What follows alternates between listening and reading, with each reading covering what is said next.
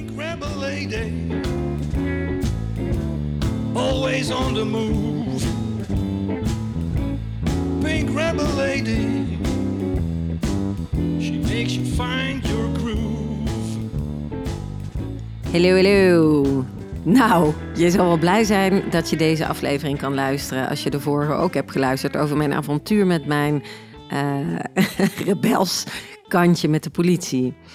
Mijn een van de zoveel verhalen als rebel met de politie.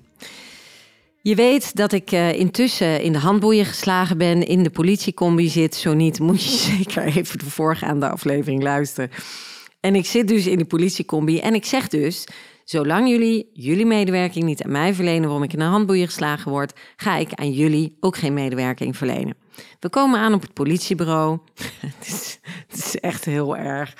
Oh my god. En het feit dat ik het ook allemaal zo gedetailleerd nog weet, wil echt zeggen dat, ik, dat het echt allemaal, weet je, niet zo heftig was eh, qua intoxicatie. Dus die, eh, een van die politieagenten loopt weg naar, weet ik veel, eh, spul halen om te blazen. En die andere mannelijke agent, die blijft staan. En die staat mij zo heel stoer aan te kijken. Ja, wat er nu is gebeurd was echt niet handig. Dus ik heb nog steeds mijn handboeien aan. Ik sta daar tegen een muurtje aan. Ik heb al drie keer gevraagd of die handboeien los kunnen. Kon allemaal niet. En die staat zo eh, stoer naar mij te kijken. En er is in België een tijd een hit geweest. En, dat, en, die hit die ging... Zie hem gaan, zie hem gaan. En ik zeg tegen die politieagent... Ik zeg, allee, zie u staan, zie u staan. Ik zeg, je voelt het goed zeker? Hè? En eh, die vliegt op mij af. Die geeft mij een, dus een duw in mijn gezicht. Dus op dat moment duwt hij mij met mijn gezicht tegen de wand aan. En, en op dat moment zeg ik... het kan echt niet, maar ik vind het wel grappig. Oh, wat erg. Ik ben zo blij wat dat betreft dat ik geen kinderen heb. Want als ik kinderen op de wereld gezet zou hebben... wauw, dat waren echt Rebels 5.0 geweest. En ik zeg dus tegen de gast... Alle gast, heel knap ze, dat je dat kunt. Klein Pietje zeker? En voor zij die luisteren, die Nederlanders zijn... een klein Pietje wil zeggen niet zo'n groot ehm, geslachtsdeel.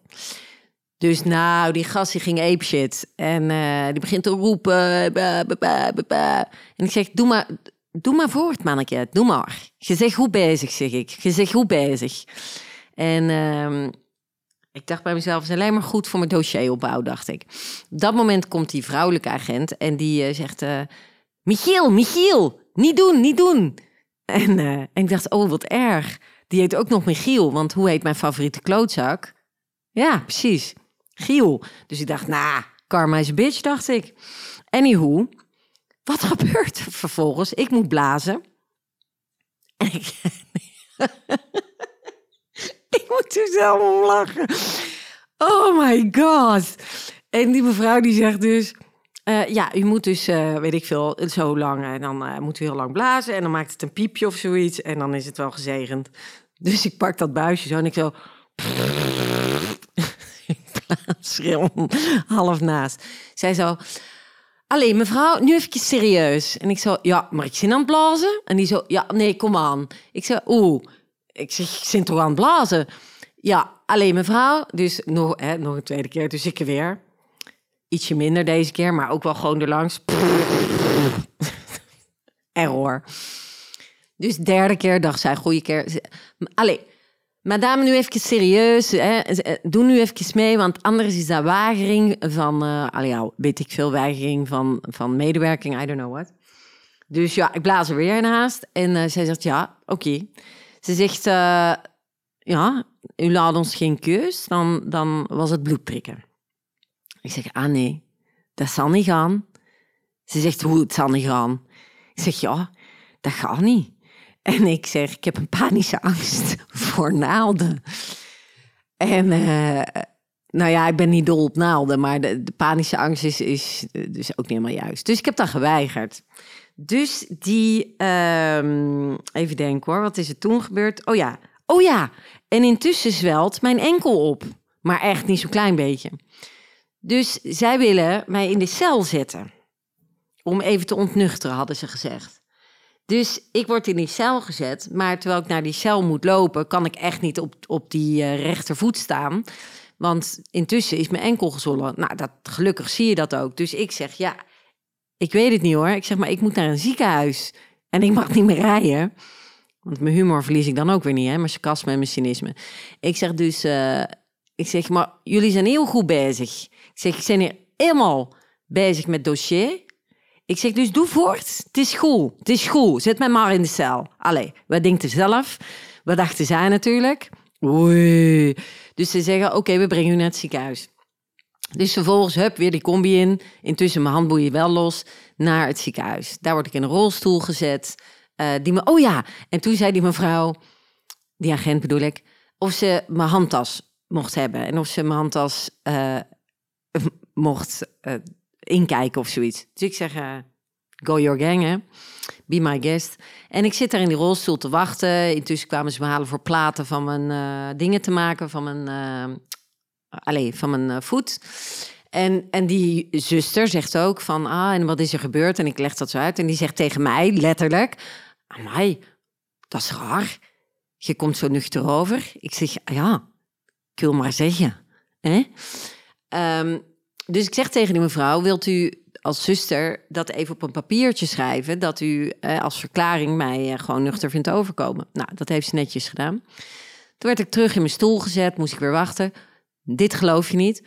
Komt die agent terug, flikkert zo mijn handtas op mijn schoot... Die handtas was helemaal uit elkaar getrokken. Die hadden ze echt helemaal opengesneden en alles. Ik denk dus dat ze dachten, ik was zo in de game, dat ze dachten, dat kan niet. Die heeft drugs genomen. Nou, als ik nou iets in mijn hele leven niet heb gedaan, buiten misschien occasioneel uh, een paar keer in heel mijn levenslijn uh, met vrienden een keer een jointje voor de lol uh, gerookt te hebben, heb ik echt niks gedaan. Dus die, ik denk dat hij dacht dat ik kook had genomen of weet ik veel wat. In ieder geval iets, ik, ik ga ervan uit dat je van kook heel erg aangaat. Althans, dat heb ik toch altijd zo gezien in mijn omgeving. Dus ik denk dat hij echt dachten, die is gewoon, die heeft iets genomen. En ja, dan hadden ze me natuurlijk helemaal. Maar ja, dat was dus niet. En toen gooide ze een papier op mijn schoot en weg was ze. Dus ik dacht, nou. Dus ik kijk op dat papier, was mijn rijbewijs per direct ingenomen. Hou je vast. Voor, wat was het? zes maanden minstens. En uh, via de uh, procureur van de justitie uh, ja, was mijn rijbewijs ingenomen, dus per direct rijontzegging. Wat de F. Dus ja, en toen zat ik daar in die rolstoel. Toen hebben ze met mijn rolstoel zo naar buiten geschoven. En toen zei ze, nou bel maar een taxi. Nou, toen heb ik mijn favoriete klootzak gebeld, maar die nam niet op. En, toen dacht ik, ja, nou ja, met de taxi. Nou, oké, lang verhaal kort. Ik was thuis. Ik heb meteen een verklaring geschreven. Die heb ik meteen, uh, heb ik Tanja gebeld, een van mijn vriendinnen. Die is mij komen halen. Zijn we naar het politiebureau gegaan. Hebben die verklaring afgelegd. Omdat het was natuurlijk ook onheus hoe ze mij behandeld hebben. En uh, het was ook zonder toezegging. Nou, dat is dus een rechtszaak geworden. Ik ben drie of vier keer naar de rechtbank moeten gaan um, ja, getuigenverklaringen. Ook de behandelend arts van dat ziekenhuis van mijn, uh, van mijn voet had verklaard dat ik uh, heel nuchter overkwam. Foto's van mijn voet, blauwe plekken van mijn gezicht tegen de muur en alles. En wat de politie dan niet heeft, en ik ben uh, niet graag heeft, en ik ben even de naam kwijt, is je hebt dus bij politie een soort tuchtcommissie of zoiets. Hè? Dus een klachtenhutsfluts. En ik heb toen natuurlijk mijn klachten en alles liep via die, via die kanalen. Maar natuurlijk, nou komen we weer bij het politieke systeem van de maatschappij. Zij die in de rechtbank mij moeten veroordelen of oordelen of vrijspreken, zitten natuurlijk ook mee in het systeem van, ja, hè, snap je? Dus ik mag niemand veroordelen, uh, maar ze hebben mij wel veroordeeld. En ik merkte in de laatste pleidooi die ik deed in de rechtbank dat het heel duidelijk was dat um, het toch wel redelijk uitzonderlijk was en ook niet mm, zo welkom was. Zeker niet als Neder-Belgische. Om de politie uh, die handhaving schept, hè? Ha, ha, ha, om die voor de tuchtcommissie te trekken mijn vrije analyse is dat ik daarop afgerekend ben. Want we hadden echt een heel groot dossier. Dus ja, zoveel advocatenkosten verder, uh, zoveel maanden verder van niet mogen rijden en gereden moeten mogen worden door chauffeur. Uh, het zij vrienden, uh, familie en soms ook echt een ingehuurde chauffeur. En daar moet je niet te veel van voorstellen, want dat zijn tegenwoordig studenten, dus dat, dat is allemaal niet zo spannend. maar goed, heb ik mijn rijbewijs teruggekregen en had ik dus ook voorwaardelijk. Dus ik moest de komende zoveel jaar niet meer gepakt worden op met alcohol achter het stuur of dat soort dingen. Dus ik, ik heb mijn lesje op dat vlak dan wel geleerd. Dus tot zover dat verhaal van die politie. Maar er zijn er nog veel meer. Veel meer rebelse verhalen, maar ook ehm, verhalen over mij in de politie. Dus ik geef je er nog eentje mee, die duurt niet zo lang. PRR Consultancy bestond twee jaar en ik wilde dat vieren. Dus ik had een van de beste taartenbaksters in de wereld, Letitia, wonende in Kalmthout, maar ze maakt ze helaas niet meer. Althans, ze maakt ze wel, maar voor haar eigen tea room. Heide City, allen daarheen. Had zij een hele mooie taart gemaakt, maar echt een super gave taart met pink rebel erop en lalala. En die ging ik halen, maar ik was zoals wel eens vaker gebeurt, en dat kan Davy van de portretmakers beamen, te laat. Dus ik had haast.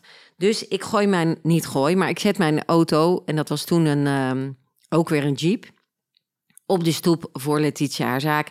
Ik ren naar binnen, ik kom naar buiten met die taart. Zie ik politie met zijn kontje in mijn auto zitten. Ik had niet op slot gedaan, want ik was zo snel op en neer. Ik zeg, uh, excuseer? Ik zeg, maar ik vraag je wat u aan het doen bent? En uh, die man die zegt, ja, maar, madame, uw auto, hier. Ik zeg, ja, ik zie het. Oké, dat klopt. Ik zeg, maar zie, hè, ik, moet, ik moest even snel die taart halen, la.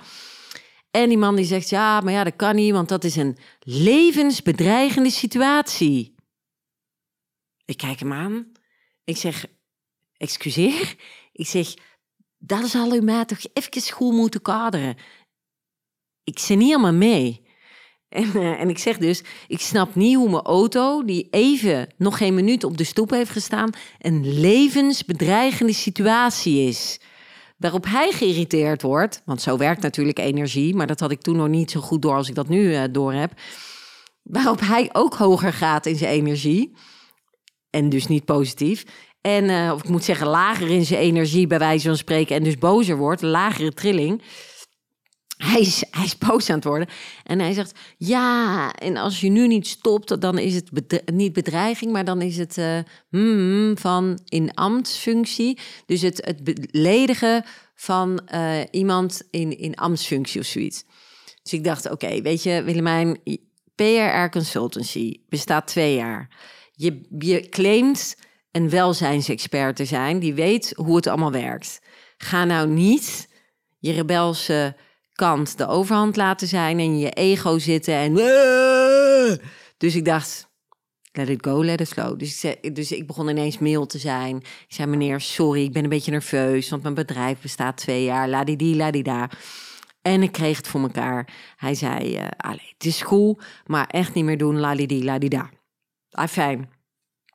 We nemen afscheid. Ik zit in mijn auto, zet die taart uh, met allemaal mooie cupcake constructie, hutsfluts, zet ik naast me neer. En uh, ja, karma denk ik hè. En ik ben aan het rijden en een of andere pannenkoek snijdt me af. Ik moet op de rem. En wat denk je, daar gingen de cupcakes tegen de vooruit ongeveer aan, deels. Ik heb ze kunnen recupereren hoor. En ik heb het gewoon eerlijk verteld uh, bij uh, de samenkomst. Want ik gaf ook een lezing toen die dag. Um, een lezing over burn-out. En dat deed ik toen nog, Burn Baby Burn. En mensen betaalden dan 50 euro voor een kaartje. En dan uh, kwamen ze daar naar luisteren. En dan hapje drankje. En deden we ook een wedstrijd van van alles en nog wat. Maar goed, doet er niet toe. Dus ik kom daar aan, die mensen die zitten in de zaal en die zien mij binnenkomen. Of die zien daar die rare taart staan. Ik zeg, nou, om maar meteen even met de deur in huis te vallen. En toen heb ik het maar meteen even weer verteld wat mijn bijzondere verhaal van, uh, van de dag was. Dus zo zie je maar. Het is, en zo heb ik nog, och, ik heb nog zoveel verhalen over heb meegemaakt. Ja, eigenlijk, mijn boek is eigenlijk al geschreven van mijn levensverhaal. Ik heb uh, toen destijds één uit, eh, uitgever gevonden waar er geen match mee was. Dus toen heb ik het maar laten liggen. Het moet ook geredigeerd worden eigenlijk. Ehm, mocht je nog iemand kennen die dat doet, graag. Maar ik kan, jongens, ik kan boeken schrijven. Boeken, boeken, boeken.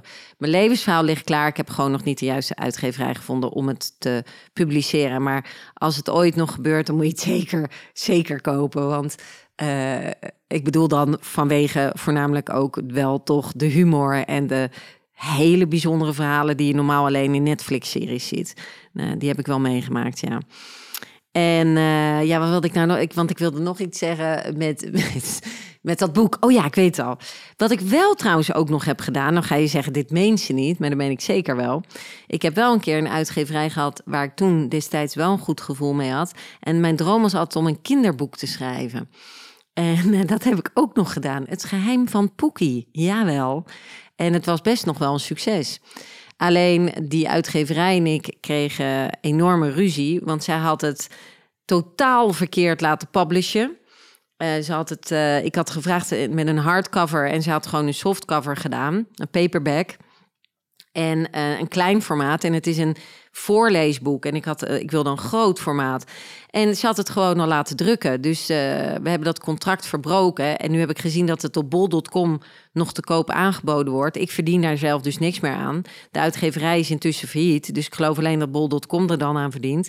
Maar ja. Weet je, ik gun het je. Het is, het is echt een heel grappig boekje. En het is niet alleen voor kinderen, want het is ook gewoon voor grote mensen leuk om te lezen. En het leukste is, eigenlijk zit heel mijn levensverhaal daarin vervat. Maar dan op zijn kinds verteld, Jip en Janneke. Maar wel ook weer heel sappig.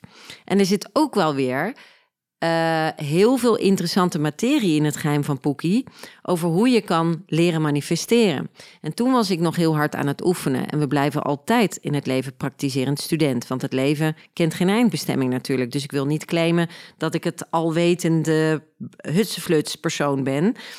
Zeker niet. Maar ik manifesteer aan de lopende band, ja. En ik heb alles, maar dan ook alles op dit moment, de kracht van het nu, in mijn leven gemanifesteerd wat ik verlangde. Uh, dus ik mag weer nieuwe dingen gaan leren manifesteren. Daarover neem ik je mee in de volgende aflevering. Leren manifesteren en het wollige woord manifestatie of manifesteren zal ik wat eclectisch inkleden. En uh, dan neem ik je daarin mee. Dus uh, ik, ik, uh, ja, de tijd vliegt nu, hè? Elke keer. Het gaat heel snel, heb ik het idee. Maar superleuk als je er weer bij bent. En ja, deel deze gekke, rare verhalen met eender die, die er goesting in heeft, zoals zij in België zeggen. En dank jou wel voor weer te luisteren naar mijn gebrabbel. Ik hoop dat je er iets aan hebt gehad, of het leuk vond in ieder geval, of raar, dat is ook oké. Misschien vind je me gewoon heel raar, maar blijf je wel luisteren. Dus uh, tot de volgende, Carpe fucking diem en uh, later!